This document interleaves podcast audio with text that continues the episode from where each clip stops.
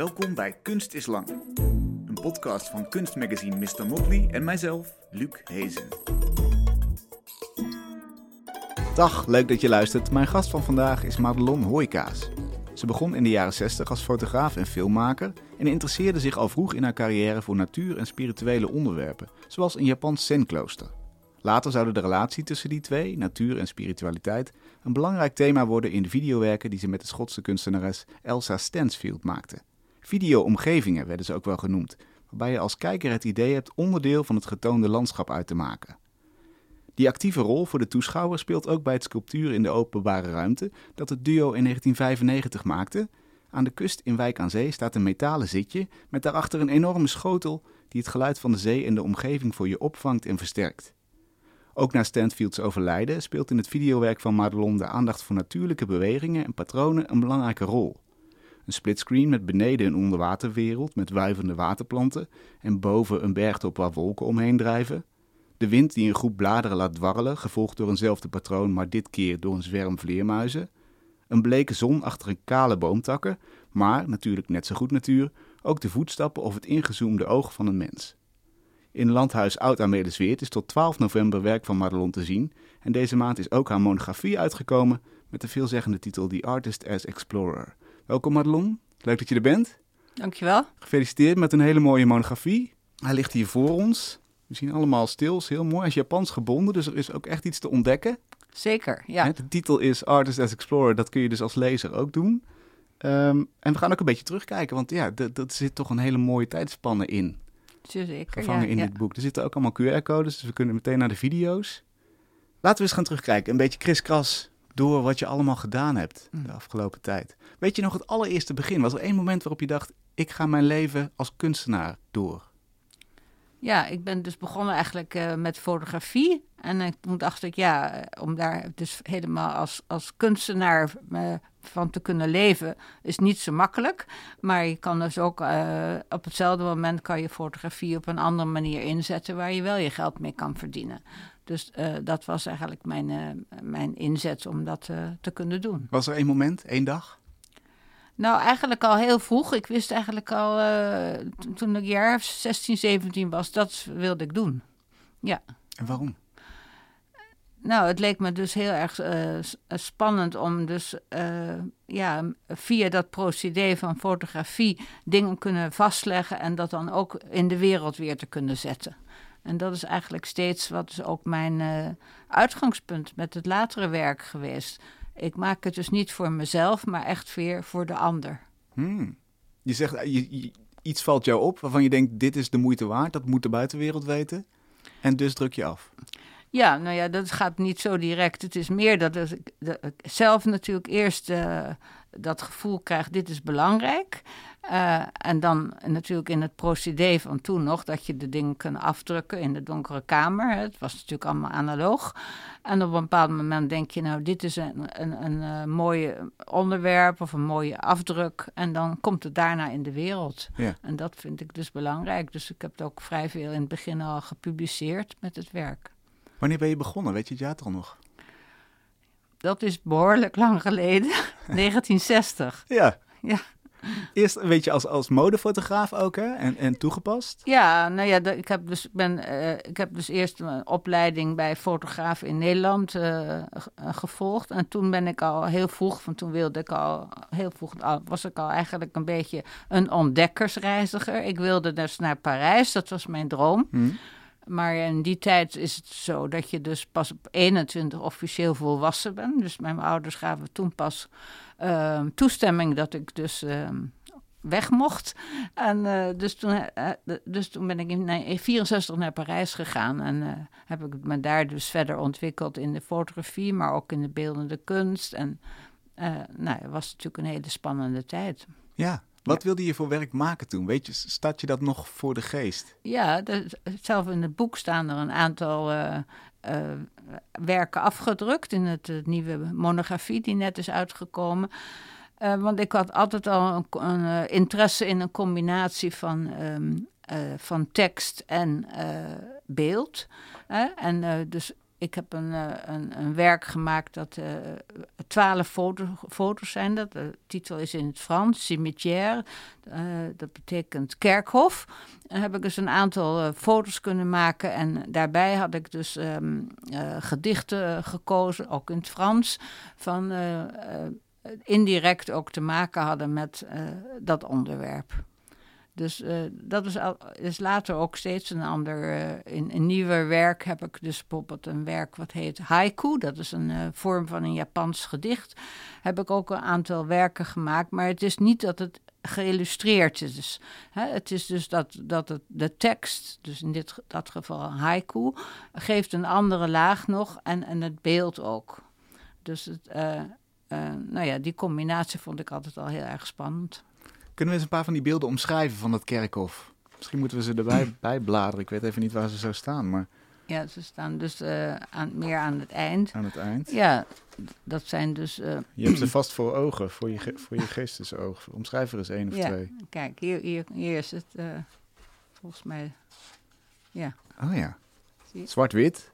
Ja, in die tijd natuurlijk zwart-wit ook ja, nog. Hè? Ja. Stemmig, twee kraaien op een, op een oude emmer ja, dat is een ander van oh, een ander project. Andere. Maar het maakt niet uit. Maar dat is ook, daar zit dus ook een beetje de humor in, wat ik belangrijk vind. Dit was natuurlijk vrij serieus allemaal. Ja. Maar uh, ja, dat inspireerde me dus ook. En uh, eigenlijk door die mooie serie die ik toen gemaakt heb, heb ik uiteindelijk uh, was ik uitgekozen voor een beurs. Um, uh, dat heet Eurofot. Eurofot was natuurlijk in die tijd was dat nog natuurlijk alleen West-Europa. En uh, in elk land van West-Europa werd een uh, fotograaf gekozen die een project wilde doen, wat dus indirect had te maken met de Europese eenwording. Hmm. daarom heet Eurofot. En ik was dus uiteindelijk voor Nederland gekozen. Dus dat was heel speciaal eigenlijk. Mijn eerste succes, om het maar zo te noemen. Mhm. uh, ik woonde toen nog in Parijs, maar de, mijn project was eigenlijk uh, om um, de Canterbury Tales of Chaucer. Uh, dat is een middeleeuws gedicht waar, me, waar een aantal mensen op pelgrimage gaan vanuit Zuid-Londen naar Canterbury. En dat idee, dus ook Chaucer in mijn ogen, um, was een van de eerste Europese um, ja, dichters of schrijvers. Want hij was al een van de mensen die ook veel naar, uh, naar het vasteland vanuit uh, Groot-Brittannië ging. Um, en dat project heb ik dus uh, toen in Londen uh, uit, heb ik dat gemaakt. Dus ik ben samen, uiteindelijk heb ik mensen kunnen vinden die deel maakten van de Church of England. En die of zelf op pelgrimage gingen vanuit Londen langs de Pilgrim's Way naar Canterbury. Dus ik ben met hun meegereisd eigenlijk. En nou, dat was ook heel speciaal natuurlijk om dat te kunnen doen. Uiteindelijk werden we ontvangen door de Archbishop in Canterbury. en we sliepen in church halls, in, um, in plekken die naast de kerk waren. Dus um, ja, dat was eigenlijk al mijn eerste, toch wel een beetje een spirituele reis. En ontdekkingsreis ook. Een ontdekkingsreis, zeker. Wat een, wat een subcultuur waar je ineens in belandt. Ja, ja, zeker. Ja. Is daar het vonkje overgesprongen, denk je? Dat je dacht, ik, ik, ik moet dat reizen, ik moet het, de, de, beweging erin hebben en dan ontdek ik dingen. Ja, ik denk het wel. Ik was al, ja, dat, dat is zeker zo. En ik was ook dus eigenlijk um, gaststudent op de Ealing School of Art. Um, en daar heb ik dus uh, voor het eerst Elsa Stansfield ontmoet. En zij kende dus die mensen van de Church of England. Dus zo, uh, zo is het van het een naar het ander. Hè? Want het is niet. Tegenwoordig kan je alles plannen, misschien via internet. Maar ja, vroeger was het nou nu ook wel. Maar heel veel natuurlijk. Welke mensen ontmoet je? Hoe gaat dat? En uh, je, je wordt geïntroduceerd, et cetera. Dus dat, dat was heel speciaal dat dat toen mogelijk was. En uiteindelijk heb ik die foto's van die pelgrimage ook toen uh, laten zien in, um, in een Church of England kerk in, uh, het jaar erop. Dus dat vind ja, wat ik al zei, vind ik dan belangrijk ook dat het getoond wordt na de hand. Ja, ja. daar gaat het eigenlijk om. Dan is ja. het voltooid als mensen ja, het zien. precies. Ja, ja. De... Wanneer is de video in je oeuvre gekomen? Nou ja, de video uh, is pas eigenlijk in, nou ja, in verhouding in 1975 met video begonnen. Daarvoor heb ik een aantal films kunnen maken. Ook samen met Elsa Stansfield, want die was dus uiteindelijk ook, uh, heeft een eigen studio in Londen opgericht, waar mensen konden werken in de film. Um, en ik wilde ook graag met bewegend beeld gaan werken. Waarom? Want, um, nou, ik maakte eigenlijk vlak daarvoor, heb ik dus uh, met Polaroid gewerkt. En uh, nou, Polaroid was dus ja, eind jaren 60, begin jaren 70 vrijwel uniek. Want je zag gelijk het beeld. Mensen kunnen dat bijna nu niet meer bedenken. Want iedereen maakt foto's, iedereen ziet ze gelijk. Maar dat idee van een instant beeld, uh, dat sprak mij dus heel erg aan. En ik heb dus toen een aantal sequences gemaakt, een aantal reeksen van foto's, met ook teksten erbij. En um, nou, dat was dus in die tijd eigenlijk best wel, um, ja, vooruitstrevend kan ik zeggen. Want ik werd al gelijk uitgenodigd. En die tijd waren er nog de fotografie was niet echt geaccepteerd binnen de kunstwereld. Hè. Dus in 1972 waar, was een van de eerste gallery, de Photographers Gallery in Londen, opgericht. Misschien is het een jaar eerder geweest, maar ik werd al gelijk uitgenodigd om daar mijn uh, Polaroid sequences te laten zien. Wat was het onderwerp van die reeks? De onderwerp van die reeks was ook dat je uh, ook eigenlijk momenten vastlegt, maar als je dus samen met een persoon ook de, uh, dat wilde laten zien, dan liet je bijvoorbeeld de eerste foto al gelijk zien. Hè? Dus na een minuut. En dan, dan reageerde die persoon daar weer op en dan maakte hij weer de volgende Polaroid. Ik snap hem even niet. Die moet je nog een keer uitleggen. Als je... Nou, het is, meest, het is een reeks foto's, hè? Mm -hmm. bijvoorbeeld zeven foto's. Mm -hmm. En, uh, uh, en dan, als ik dan bijvoorbeeld met een, uh, met een persoon werkte, dan liet ik dus die eerste foto zien. En dan zei zij of hij, oh, dit is leuk of zoiets. En dan reageerde ah, zij zo. daar dan ja, op. Ja, ja, en dan zei zullen we nog een, zullen we zo, zullen we de volgende foto zo maken? Weet je? Dus het was echt een interactie. Ja, ze werden onderdeel van het maakproces. Precies. Eigenlijk. Ze konden Precies. meesturen eigenlijk. Ja, ja. Sorry dat ik het niet zo goed uitleg. Nee, nee, nu, maar, is, nu is het me duidelijk. Dus, dus dat was eigenlijk al een, een uh, waren natuurlijk eigenlijk al reeksen van. En dat heeft, ja, dan is het natuurlijk heel, heel uh, mooi dat je eventueel ook met bewegend beeld gaat werken. Eigenlijk dus. heb je dan de basis van cinema al. Beeldjes die je snel achter elkaar zet, Precies. die, die, die uh, suggereren in beweging. Absoluut, ja. Dus ja, en dat heb ik dus nu uh, pas ook laten zien in uh, het landgoed Oud Amelisweer. Daar heb ik een werk gemaakt dat heet Wheel of Life. En dat gaat terug naar de, de basis van, het, van de cinema, van, van de film. Want voor het eerst kon je, als je dat, dat is eigenlijk een. Dat, dat, heet een zootroop, maar niet iedereen weet waarschijnlijk wat dat is. Nee. Maar het is dus een, een uh, ronde constructie met een aantal spleten erin. Uh, waar ik uh, twaalf stilbeelden heb laten zien. In dit geval van een vleermuis. En als deze constructie dus langzaam draait. Dan, en de, en de be, bezoeker kijkt door een van die spleten. Dan, dan lijkt het dat de vleermuis vliegt. Ja. En dat is natuurlijk, het is allemaal illusie zoals cinema ook illusie is. Maar dat, ja, toen dat was uitgevonden in ongeveer 1865 zo, verschillende mensen hebben dat natuurlijk bedacht, was het echt een uh, kermisattractie. Mensen hadden nooit de bewegende beelden gezien. Dus, dus dat leek mij dus heel spannend om gewoon terug te gaan. Dus, dus in, wat we nu misschien als soort animatie zien, hè, dat is hetzelfde idee ook, dat, dat dus de dingen gaan bewegen. En... Uh, maar dat is eigenlijk, ja, zo, zo valt alles samen. Het is nog steeds spectaculair eigenlijk. Als Ja. je ervoor staat, denk je nog steeds, het, heeft iets magisch. Ja, absoluut. Ja, ja.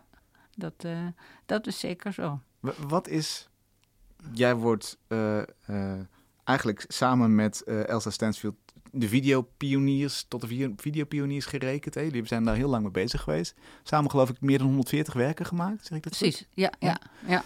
Wat is nou de magie van die video? Ook toen die later ontwikkeld is, dus voorbij dit punt van cinema. Nou, in de, in de eerste periode was het natuurlijk, als je ook uit de filmwereld komt, um, ja, daar werkt iedereen dus samen in een equipe. Uh, maar de films die we dan ook gemaakt hebben, dat kost natuurlijk allemaal heel veel geld. Eer dat je dus zo'n geld bij elkaar had om een film te laten zien. En daarna werd het misschien op televisie of in festivals uh, getoond. Maar je, je, had eigenlijk heel weinig feedback. Je wist eigenlijk niet wie of wat, de, uh, hoe de films worden ontvangen. Maar als toen video kwam, was het dus eigenlijk een beetje net als Polaroid. Je had gelijk het beeld. Uh, dus je kon ook, uh, de eerste werk wat we gemaakt hebben is in Glasgow. Uh, en dat werk heette What's It To You? Wat, wat betekent het voor jou? Is dat een, een beetje tong-in-cheek, hè? Maar um, nou ja, daar hebben we dus opnamen kunnen maken. Allemaal zwart-wit natuurlijk, maar er was ook een kleine videostudio bij. En mensen konden ook reageren op het werk. Dus ja, dat maakte het natuurlijk wel heel spannend om dat te kunnen doen. En zo langzamerhand, uh, ja, eerste tijden werd natuurlijk video binnen de beeldende kunst totaal niet geaccepteerd. Ook weer niet? Als je ook, ja, je zat weer in een vorm die niet geaccepteerd werd eigenlijk? Ja, dus dat was eigenlijk natuurlijk ook aan de ene kant wel spannend, omdat je dus, um, je werkt wel in de, binnen de, het kader van de beeldende kunst, maar um, het is een nieuw medium en daar he het heeft geen geschiedenis. Dus... Um, ja, je, kon daar vooral in Groot-Brittannië, waar, uh, waar, waar, heel veel mensen daar super in, geïnteresseerd, omdat uh, site-specific, om iets te maken wat te ma uh, een speciaal, wij noemden het environment, video environment, omdat je dus niet van één, één um, point of view, van één richting het werk kon bekijken, maar het was dus eigenlijk ook al wat we nu interactief noemen. Dat je dus van verschillende invalshoeken het werk kon ervaren. En um, dus we hebben toen een aantal werken kunnen maken. Um, ja, dat was ook wel heel. Uh, ja, in dat opzicht waren ze speciaal voor die plek. En toen we een werk hadden gemaakt voor de Whitechapel Art Gallery in Londen. Um, toen uh, was dus de Appel, de bekende plek uh, in uh, Amsterdam, vooral in die tijd heel vooruitstrevend met performances en nieuwe technieken, hebben ze ons uitgenodigd om daar een werk te maken. Dus, ja. um, en zo langzamerhand um, ja, zijn we dus gelijk al internationaal ook gaan werken. Uh, wat, wat zijn de spannendste werken geweest van die videoomgevingen wat jou betreft? Wanneer dacht je, ja, dit is, dit is geweldig wat we hier kunnen doen? Nou, we, we hebben zich, we hebben, omdat je dus, uh, video is dus ook een elektronisch beeld. Hè? Het is dus eigenlijk niet als film waar je echt de beeldjes kan zien. Je ziet dus niks, het is digitaal. Um, maar op dat moment was het alleen nog maar in zwart-wit. En, uh, en het beeld is dus opge, het zijn dus eigenlijk alleen maar lijnen. En dus we hebben ook gewerkt met het, de, met het, werkelijk met het medium. Dat het bestaat uit 625 lijnen die heel snel scannen. En dat ziet het beeld. Ook een illusie natuurlijk. Uh, en als we daar dus dan bijvoorbeeld een stil van maakten, een, een foto van het, video's, van het scherm, van het televisiescherm, uh, dan zag je die lijnen ook. Dus we hebben dus werken kunnen maken waar je dus het bewegende beeld, het video had, maar hebben dan ook bijvoorbeeld um, foto's afgedrukt op, op een linnen structuur. En die linnen structuur had dan zelf ook um, natuurlijk die, die lijnen.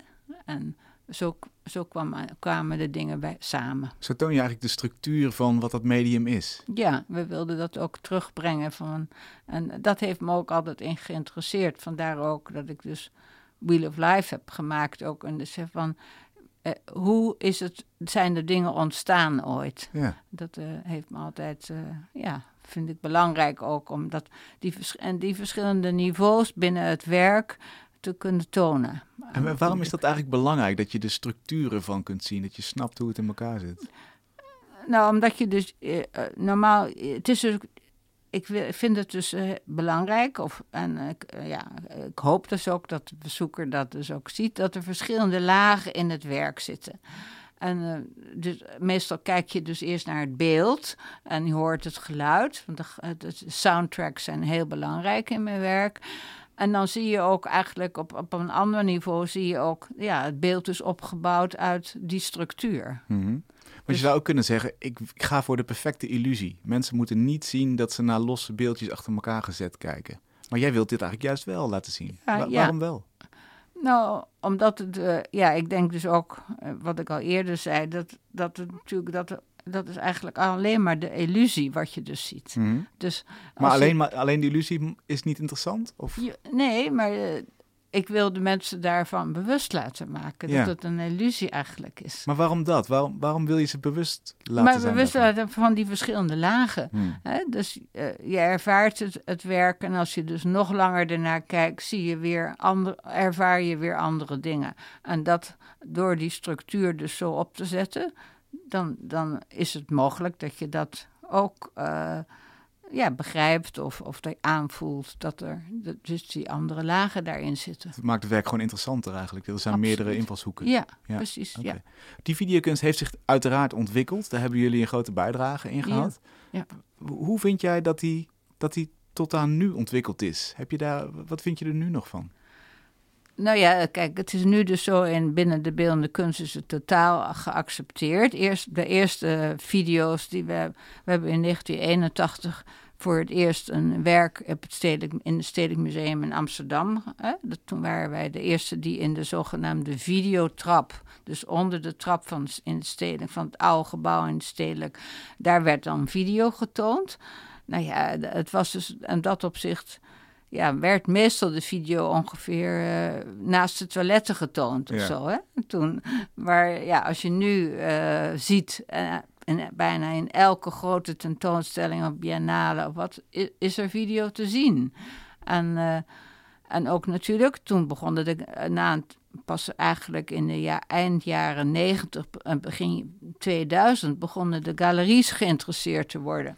En uh, ja, dan wordt het natuurlijk een, toch ook weer heel commercieel. Mm. Dat, dat werken worden dan in, net als in fotografie, werden, worden alleen in oplagen gemaakt. Um, maar ook grote galeries gaven dus, vonden dus budget voor uh, kunstenaars om daarmee te werken. En die werkten ook met een grote crew en alles. En met een groot, ik, uh, met meerdere mensen. Yeah. Dus het is veel meer naar film toegegaan ook. Uh, nu gedeeltelijk worden films ook allemaal uh, uh, natuurlijk digitaal opgenomen. Dus de, de verschillen zijn gewoon veel minder geworden. Ja. Jij, jij doet het in je eentje, hè?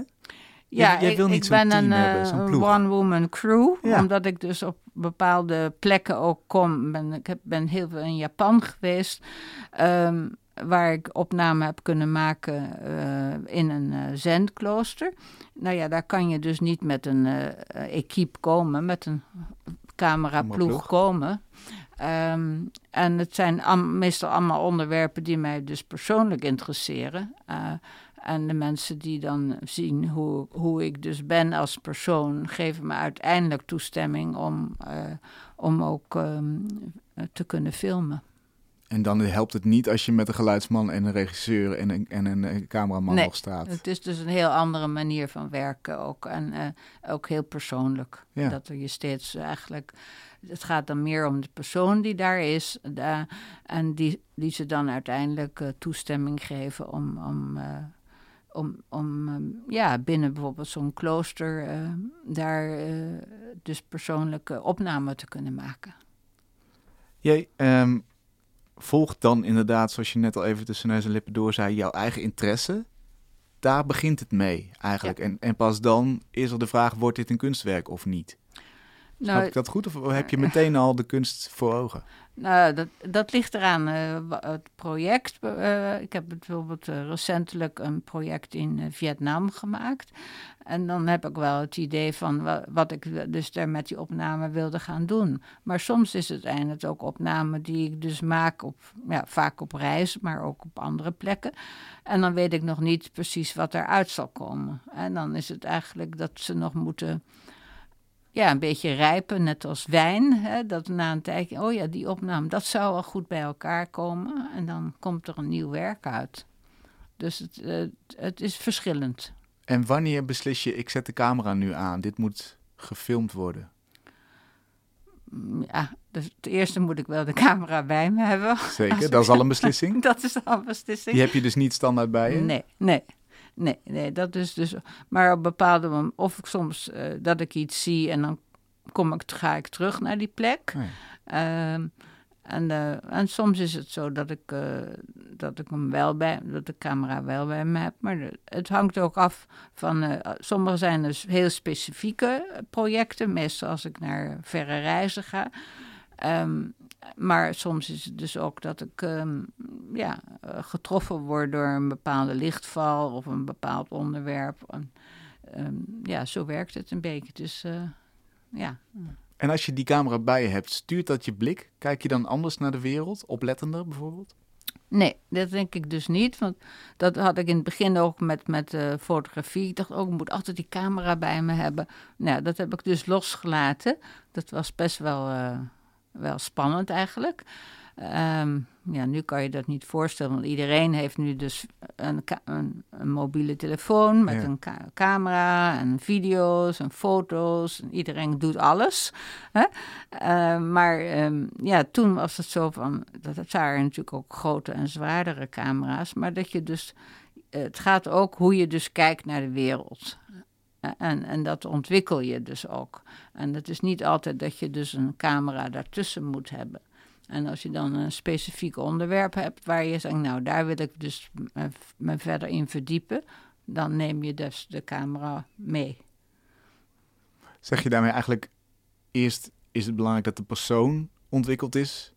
En, en, en dan op een gegeven moment komt daar, komt daar een project uit of niet. Maar het gaat vooral om het persoonlijke, de pers- persoonlijke ontdekkingsreis. Ja, ik denk ook wel dat dat heel belangrijk is. Van hoe, hoe sta je in het leven? eh, eh, wat wil je doen in, in je leven? En hoe kan je de dingen overbrengen naar en, en in de wereld zetten? Je was inderdaad, zoals je net zei, in Vietnam en Cambodja om Rhizome te filmen. Hè, een Mhm. videowerk. Wortelstok in het Nederlands. Dus dat is eigenlijk die, die, die dikke witte wortel die onder een, onder een plantje groeit. En waar ook weer andere plantjes uit kunnen groeien. Ja. Ehm, vertel eens over die, die film. Wat wil je daar laten zien? Ja, dat is dus mijn, laat, mijn eh, recentste werk, eh Rhizome. En ehm, daar wil ik dus eigenlijk eh, de, de eh, connectie laten zien dat alles met elkaar is verbonden. Eh, dat zijn natuurlijk ook de wortelen van de bomen, waar dus nu veel meer bekend over is dat ze dus echt ook communiceren met elkaar.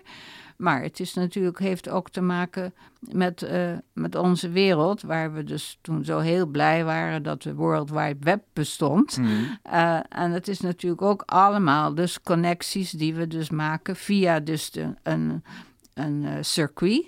Ehm, en dan hebben we natuurlijk ook nog het hele ondergrondse circuit wat we gecreëerd hebben als mensen. Ehm, en zo al, deze, al die verschillende lagen wil ik dus in deze hele, ja, het is maar iets van drie minuten, eh, werk eh, ehm, ja, laten zien. En, eh, en, en hopen dat mensen daar ook over nadenken. Op een associatieve manier eigenlijk, hè, worden die aan elkaar gelinkt. Ja, Je ziet ineens de parallellen. Ja, en ik heb ook zelf het soundtrack gemaakt. Dat is, dat is ook iets vrij nieuw wat ik dus eigenlijk in de laatste jaren ook heb gemaakt. Ook heb ik wel met andere ehm, comp- componisten eerst samengewerkt. Maar zoals bijvoorbeeld met Louis Andriessen, die ik al heel erg lang kende, hebben we dus een heel speciaal werk kunnen maken. Dat heet eh, Alles is rond. Voor het, een opdracht van het Centraal Museum in Utrecht. Ehm, en dat was eigenlijk een van de laatste werken die hij ook heeft kunnen maken. En omdat het ook gedeeltelijk elektronische muziek is, is dat ook wel heel speciaal. En eigenlijk is Wheel of Life eh, een soort eh, vervolg daarop, omdat het ook een, een, in een ronde cirkel is neergezet. Waar je het eerder over had, hè, en die Ja. nu in Amelis weer te zien is. Ja. ja. Wat vind jij eigenlijk dat die visuele taal doet, die associaties? Waarom is, is film en is beeld jouw medium? Want je kunt er goed over praten. En, Ja. en tekst vind je interessant, heb je, heb je eerder al gezegd. Waarom is het toch beeld? Wat, wat, wat is die specifieke beeldtaal? Nou, ik, ik denk vooral nu ook ehm, en misschien is het de overload hier, maar uh, beelden spreken dus vaak ook mensen gewoon meer aan. Het is universeel natuurlijk. Uh, um, het boek wat, ik, uh, wat nu net is uitgekomen, The Artist Explorer, de teksten zijn allemaal in het Engels. Maar daar heb ik ook bewust voor gekozen, omdat ik heel internationaal werk. Maar ja, beelden spreken dus ja, zonder taal. Dus dat, dat, en ook um, wat ik dus zelf ook, in een bepaalde manier is het ook laagdrempelig om dat woord te kunnen nemen. Want mensen zijn dus ook die niet zo in de kunst uh, de dingen, uh, gewend zijn dingen te zien, die zien dus een, een beeld en associëren het direct met televisie. Of zo. En dus niet direct zeggen ze, oh, dat is kunst, dat begrijp ik niet. Hmm. Ze kijken veel eerder gewoon daarnaar. Dat merk ik dus En onbevangener eigenlijk. Ja, onbevangen. Dus net eigenlijk met podcasts ook. Dat mensen gauw makkelijker misschien luisteren. Ook al, ja, zijn, weten ze nog niet zoveel daarover. Hè? Dat is dus, dus een, uh, ja, dus dat onbevangene, dat vond ik, vond ik zelf altijd wel heel spannend. Ook omdat ik, als ik een werk dus binnen een museumcontext laat zien, en dat hoeft dus niet. Ik vind het zelf ook heel erg leuk om werken te laten zien uh, in een park of, uh, of uh, in een art, artist-run space. dus een, een, plek die door kunstenaars is opgezet. Dus dat, dat maakt het ook dan spannend dat je de verschillende mensen uh, kan raken door je werk. Ja, en dat is inderdaad wat je eerder al zei, het belangrijkste. Dat het wordt afgemaakt bij de kijker. En, en, en hoe meer en op verschillende plekken, hoe beter misschien. Ja, ja dat, ik hoop dus dat mijn werk ook een, eh, een de, die bewustwording uh, verder uh, in, bij de kijker en bij de bezoeker um, ja, verdiept eigenlijk. Dat, dat weet je natuurlijk niet, maar soms krijg je natuurlijk wel feedback dat je dus denkt van hé, hey, dat is leuk. En zelfs ook met. Uh, ooit heb ik een werk gemaakt ook uh, voor de VPRO Radio. en ja, dan denk ik, een, een, uur was dat toen. En um, nou, je hebt geen idee wie er naar luistert of zo. Hè? Hmm. En een keer zat ik dus uh, bij de wachtkamer bij de dokter en dan werd mijn naam geroepen. En toen zei ineens iemand: Oh, ik heb dat gehoord op de radio. Dat was misschien twintig jaar geleden. Dat heeft me zo beïnvloed. Dank je wel, of zoiets. Nou, wat mooi. dus zulke dingen, dat weet je niet, maar dat, dat hoop je natuurlijk wel. Ja. Dus wie weet met deze podcast. Daar hoop ik ook elke week op dat dat gebeurt. Hoe zit het eigenlijk als je zegt, ik wil mensen bewust, uh, bewustzijn geven? Hè? Uh, Gaat dat dan ook weer, net zoals we net hebben gehad over bijvoorbeeld de aard van het medium televisie of film of video, gaat het dan ook over bijvoorbeeld de aard van de natuur, de wortels, uh, de structuren die te zien zijn, de onderwaterwereld? Absoluut, ja. Ik heb me dus ja, nu is natuurlijk ecologie een enorm onderwerp, maar ik heb me daar dus eigenlijk al jaren en jaren in verdiept. Alleen werd het dan, ja, net als het nu past, dat die klimaat eindelijk een beetje uh, op de voorgrond, uh, de crisis van het klimaat op de voorgrond komt. Maar ja, het was natuurlijk al steeds bezig en een, veel van de werken hebben daar dus over te, uh, mee te maken.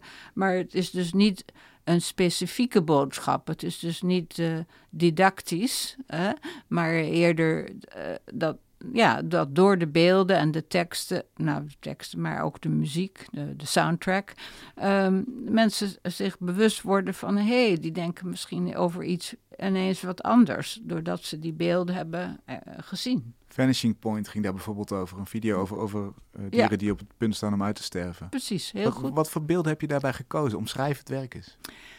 Nou, um, in, in die tijd uh, waren we dus vaak in artists uitgenodigd als artist in residence. En we hebben een aantal werken uh, daar toen gemaakt in Banff.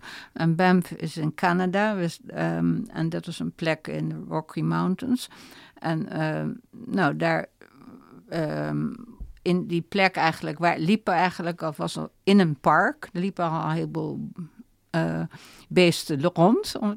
Maar er was ook, uh, waren ook bijvoorbeeld uh, opgezette beesten in een café of in een plek, een soort nat natuurhistorisch museum. Van, dus die opnamen zijn gedeeltelijk toen ook daar gemaakt.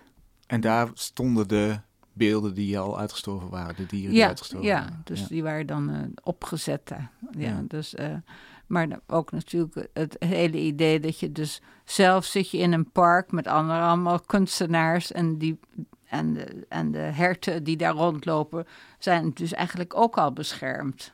Dus dat was eigenlijk een soort combinatie. We hadden natuurlijk een beschermde plek. Voor, voor tien weken zit je daar met een prachtig appartement, een bibliotheek, een zwembad, alles wat je maar wil. Mhm. Eh, en ja, dan is het dus ook zo, wat voor werk ga je daar maken? Eigenlijk weer de kunstmatigheid een beetje die, die je toch aantoont. Waarvan je laat zien, hé hey jongens, dit is, dit is niet de natuur. Dit is een, dit is een reservaat waar we, waarin wij zelf ook onderdeel zijn. Ja, maar dat is natuurlijk ook zo. Hè? Dat ze dus proberen dus reservaten te maken om de dingen dus te beschermen. Maar net als in Nederland, dan loopt het helemaal mis. Zoals bij de Oostvaardersplassen. Ja, de natuur heeft natuurlijk. Uh, ja, in Nederland is er bijna geen natuur, alleen een soort nieuwe natuur, wat we mhm. dan nu zo noemen. Maar. Uh, ja, dat is eigenlijk dus steeds weer dat je zegt, uh, probeer dat dan te beschermen. Maar hoeverre dat dan werkt, is een ander verhaal. Ja, en daar wil je ook de nadruk op leggen. Kijk eens, kijk eens wat wij aan het doen zijn eigenlijk. Ja, natuurlijk. Ja, zonder dat het een pamflet wordt. Ja, zonder dat het een pamflet wordt. Dat vind ik wel heel belangrijk. Dat, en dat bedoel ik dus met die bewust worden. Ik denk dat mensen door de beelden en de en, en, het, en de, de geluiden, de soundtrack, zich misschien uh, denken van ja, dat, dat het iets met ze doet. En misschien niet direct, maar indirect worden, dat, wordt dat, worden die beelden dus opgeslagen, om het maar zo te noemen. En dat daardoor die bewustwording ontstaat. We noemden eerder al even het klooster, het Japanse uh, zen-boeddhistische klooster. Mhm. Daar mocht je filmen. Je hebt ook voor de boeddhistische omroep daar uh, documentaires gemaakt, mhm. dingen gedraaid. Wat, wat is dat voor wereld? Wat, wat fascineert je daaraan? Dat is ergens ook heel kunstmatig natuurlijk. Het hangt vol met rituelen. Mm er zitten heel veel gedragsregels aan. Mhm. Ook een soort reservaat misschien wel. Ja, dat, is een goede opmerking. Nou ja, ik, uh, ik heb eh, ook in, uh, een tijd in Amerika gewoond. En daar kwam ik dus in 68, 69 in contact met, um, bij toeval, zoals dat gaat, met Alan Watts. En dat is een uh, filosoof, maar ook een van de mensen uh, die uh, het zen-boeddhisme naar um, Amerika heeft gebracht. Of meer interesse door zijn boeken. want het boeddhisme, en vooral het zen-boeddhisme, is aan de ene kant dus via Azië naar Europa gegaan. Dat is veel Tibetaans boeddhisme. Door de door de, ja, door de situatie in Tibet. Maar aan de andere kant, vanuit Japan is het dus ook naar Californië heel gauw geweest. En dat, dat, dat fascineerde me zo, want toevallig werd ik uitgenodigd om naar een lezing van hem te gaan in, in Berkeley University. En toen ik toen terug naar Nederland kwam, na vijf jaar dat ik een andere plekken heb gewoond, um, toen dacht ik, nou, ik wil wel graag terug naar de bron. Dat is altijd iets wat me interesseert. En toen heb ik uiteindelijk de Trans-Siberische trein genomen in 1970, toen het nog Sovjet-Unie was. En uh, toen ben ik zo naar Japan gegaan. Maar ja, in die tijd was het niet zo dat je zei van... nou, ik vind wel ergens een klooster en uh, ik word wel toegelaten. Dat was allemaal toch via via... dat ik uiteindelijk ben toegelaten in een klooster in Mampokuji. Uh, om daar dus uh, te verblijven. En daar heb ik dus, eerst was het, keken ze dus van, ja, um, ben je wel echt geïnteresseerd en kan je echt ook wel zen-meditatie doen. Zazen heet dat. Het is natuurlijk een mannenklooster ook. Dat was ook allemaal niet makkelijk. Maar uiteindelijk hebben ze mij ook toestemming gegeven om uh, daar foto's te kunnen maken. En in die tijd was dat heel uniek. En toen Waarom lieten ze jou toe in een mannenklooster? Nou ja, ik had dus wel brieven bij me, hè, van introductiebrieven in het Japans. Hoe gaat dat daar? Ja. Um, maar er waren ook geen andere. De, alle kloosters in die tijd waren mannenkloosters. Hè, dus dat was. Maar goed, het was ingewikkeld als vrouw om daar dus te zorgen dat je dus toch genoeg afstand hield. En um, je kon natuurlijk niet eten dan met de monniken of wat dan ook. Hè? Mm. Dus dat is allemaal uh, apart. En toen ik dan terugkwam in um, Nederland, toen dacht ik... Uh, nou, het is zo uniek werk, misschien moet ik een boek maken. Maar ja, nou ja, het is allemaal vrij naïef dat je dat zomaar kan doen. Maar dat is dus heel makkelijk gelukt, omdat het ook... Uh, En, dus, en ik heb toen Bert Schierbeek, een, een, schrijver die ooit ook over de tuinen van Zen had geschreven. Dat boekje had ik wel gelezen, maar ik kon al gelijk zien, hij is nooit in Japan geweest. Maar, Hoe zag je dat? nou, de manier waarop het is geschreven. Hè? Maar toen had ik maar ik heb contact met hem gezocht en het was, die vond het ontzettend leuk om een soort introductie te schrijven voor het boek. En toen hebben we ook samen teksten bij de foto's gemaakt, ook weer niet beschrijvend, maar meer met koans, dus met vragen en haikus, een soort Japans gedicht. Het is een heel mooi boek geworden. Ehm, het heet Zazen. En dat is vrij snel eh, ook in Duitsland en daarna in Amerika uitgekomen. Dus dat was voor mij een, een, uh, een, basis om misschien weer terug te gaan en kijken hoe het is nu in Japan. Uh, dus, uh, dus, dat was dus ongeveer 40 jaar later dat ik denk van um, hoe, ja, hoe gaat het nu? En toen kwam, kwam ik natuurlijk op, tot de ontdekking dat heel veel van deze kloosters um, nu veel opener zijn, waar ook veel buitenlanders uh, verblijven. Waaronder Nederlanders dus, hè, die je gefilmd hebt? Ja, dus dat is dan, uh, en daar heb ik dan ook weer een nieuw boek over gemaakt en een nieuwe film. Heeft deze zen-boeddhistische praktijk ook jouw werk beïnvloed, de manier waarop je werkt? Ja, dat denk ik zeker. Heb je dus, daar een voorbeeld van? Nou, voor mij is, is het heel belangrijk om in het nu te leven. En natuurlijk als je dus werkt met medium waar ik dus mee werk, is dat ook heel erg belangrijk dat je dus reageert wat er op dit moment gebeurt. En dat is denk ik dan ook ja, heel speciaal in, mijn, in de manier waarop ik mijn beelden maak. Ja, wat je als ontdekkingsreiziger natuurlijk nodig hebt. Je moet openstaan voor, voor iets nieuws, voor de omgeving. Ja, ja precies. Ja. En, en daar komt het werk uit voort. Ja, zo is Je hebt ook wel ehm, performances gedaan. Waarbij je projecties deed op een muur, daar delen uit, uit natrok. Wat gebeurt daar precies? Is, is dat te vergelijken met zo'n ritueel, zo'n rituele handeling? Nou dat project dat heet ehm, Virtual Walls. In ehm, Venetië, ehm, ja, daar ben ik dus... Uh, ik ben een paar keer uitgenodigd als uh, artist in resident in Venetië. En toen ik dus een, uh, een project wilde voorstellen, uh, viel mij op dat de, dat de verhouding tussen de bezoekers en de bewoners totaal. Uh, ja, de, dat, dat, dat werkt niet meer. Scheef dus helemaal scheef. In 2015 was dit, hè? Ja, dus dat was, ja. en um, daar, toen heb ik daar dus op, opnames gemaakt en mensen geïnterviewd, et cetera, over dat onderwerp. En toen heb ik in 2017 um, performance gedaan in uh, Venetië. en waar ik dus beelden op een muur had geproject. Want mijn idee was dus eigenlijk om een virtuele muur om de stad te creëren. Maar dat zit dus in je hoofd. Het is geen echte muur, maar het is om te zien van hoe, hoe gaan we dit proberen op te lossen. Dus ik wilde dus een, uh, ik heb dus een video gemaakt op, die dan geprojecteerd werd op een muur. In dit geval moest er wel een papier overheen, helaas. Maar, ehm, en dan probeer ik dus met die, vid die video die dan geprojecteerd wordt, maak ik ook op hetzelfde moment een, probeer ik die video te volgen. Dus ik maak een soort uh, tekening. Je trekt de lijnen na die te zien ja, zijn in de video. Ja, dus een, een soort lijntekening met houtskool. En in het geval van uh, uh, Venetië, eh, door, ook door de plek waar ik die performance gaf, uh, heb ik toen na de hand uh, deed ik het raam open en had ik een verrekijker. En dan konden de bezoekers kijken door die verrekijker. En dan zagen ze de Rialto-brug, waar heel veel mensen dus altijd overheen lopen. Vlakbij het Centraal Station is dat, hè? Die hele hoge brug. Ja. Waar je overheen, ja. over, over ja. een kanaal heen gaat. Ja, precies. En uh, toen dacht ik, ja, dit is natuurlijk ook een onderwerp wat we in Amsterdam hebben we dezelfde, uh, hetzelfde verhaal. En toen dacht ik, ja, waar, dat leek me wel, zat ik na te denken, welke plek zou daar goed voor zijn? En toen dacht ik aan de Oude Kerk. En uh, nou, die vonden dat gelijk een super idee. Dus toen heb ik daar, ik heb een nieuwe video gemaakt en heb ik dus daar een performance gedaan. En het is ook vaak na die performance dat er dus ook een gesprek is.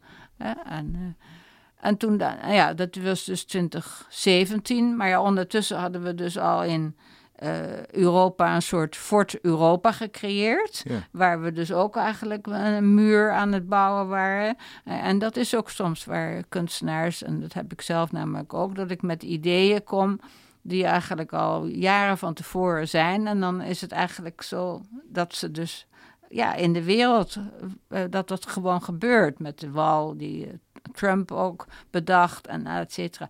En toen dacht ik, nou, ik maak nu van de virtual walls, ga ik naar real walls. En toen heb ik een uh, performance in Berlijn gedaan. En daar natuurlijk is de muur ook al belangrijk. Maar dus het was, en dat was in een hele andere plek, weer een uh, artist run uh, space, een, kunstenaarsruimte. Um, zou je dan eh, kunnen zeggen dat je als kunstenaar je voelsprieten zo ver uitsteekt en zo uh, bewust bent van, van wat er om je heen gebeurt, dat je eerder doorhebt welke beelden er belangrijk zijn dan eigenlijk de rest van de maatschappij?